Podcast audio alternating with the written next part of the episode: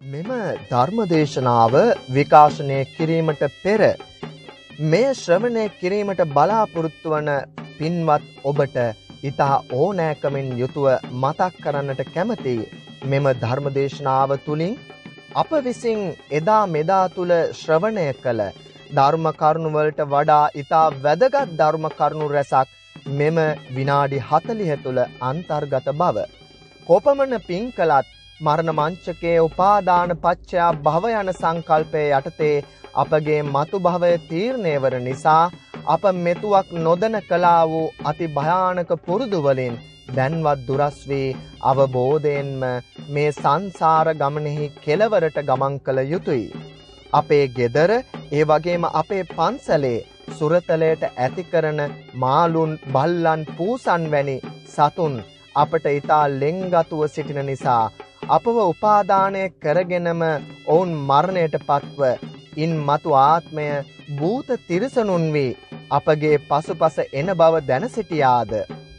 එමෙන්ම අප සුරතලයට ඇති කරන මාළුන් බල්ලන් පූසන් නිසාම අප කොපමණ පින් රැස් කරගත්තත් මරණ මංචකය අපට එම සුරතුළුන් උපාදානය වී අපද එම තිරසන් ලෝකයේ උපත ලැබීමට භවය සකස් කරගන්නා බව මොහොතකට ඔබට සිතුනාද. නිදහස් මනසින් යුතුව ඉතා අවධානයෙන් මෙම ධර්මදේශනාව ශ්‍රවණය කරන්න. අපට අද සිට හෝ නිවරදි විය හැකි තෙරුවන් සරණයි.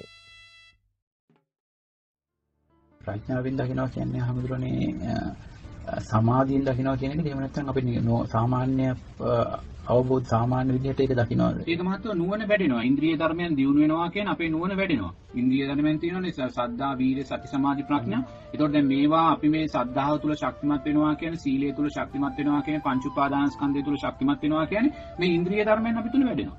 තේරෙනවද? මේ ඉන්ද්‍රිය ධර්මයන් වැඩෙන්න වැඩෙන්න අපේ නුවණ ඒ හරහා මෝරනවා.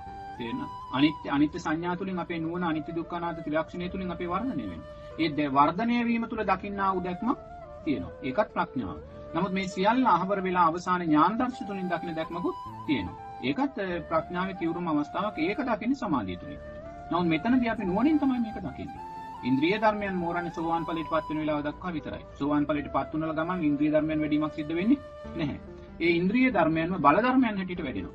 බල ධර්මයන් කියන්නේ විදර්ශනා නුවණ සකස් කරමින් මේවා වැඩෙන්නේ. අයිමත් යාට භවය පිළිබඳ කැමැත්තක් සකස් වෙන්නේ නැහැ. සද්ධා, වීර, සති, සමාධි, ප්‍රඥා කියන විදර්ශනා නුවණ සකස් කරගන්න ඒවා වැඩෙන්නේ. තේරෙනවද? එතකන් සෝවාන් ඵලයටපත් වෙනකන් ඉන්ද්‍රිය ධර්මයන් අපි තුල වැඩිනවා. ඉතින් ඒ නිසා මාත්‍ය මේ වැඩෙන ඉන්ද්‍රිය ධර්මයන් තුල තමයි අපි තුලේ අවබෝධය මුලින් සකස් කරලා දෙන්නේ. ඒක දැක්මක් තියෙනවා.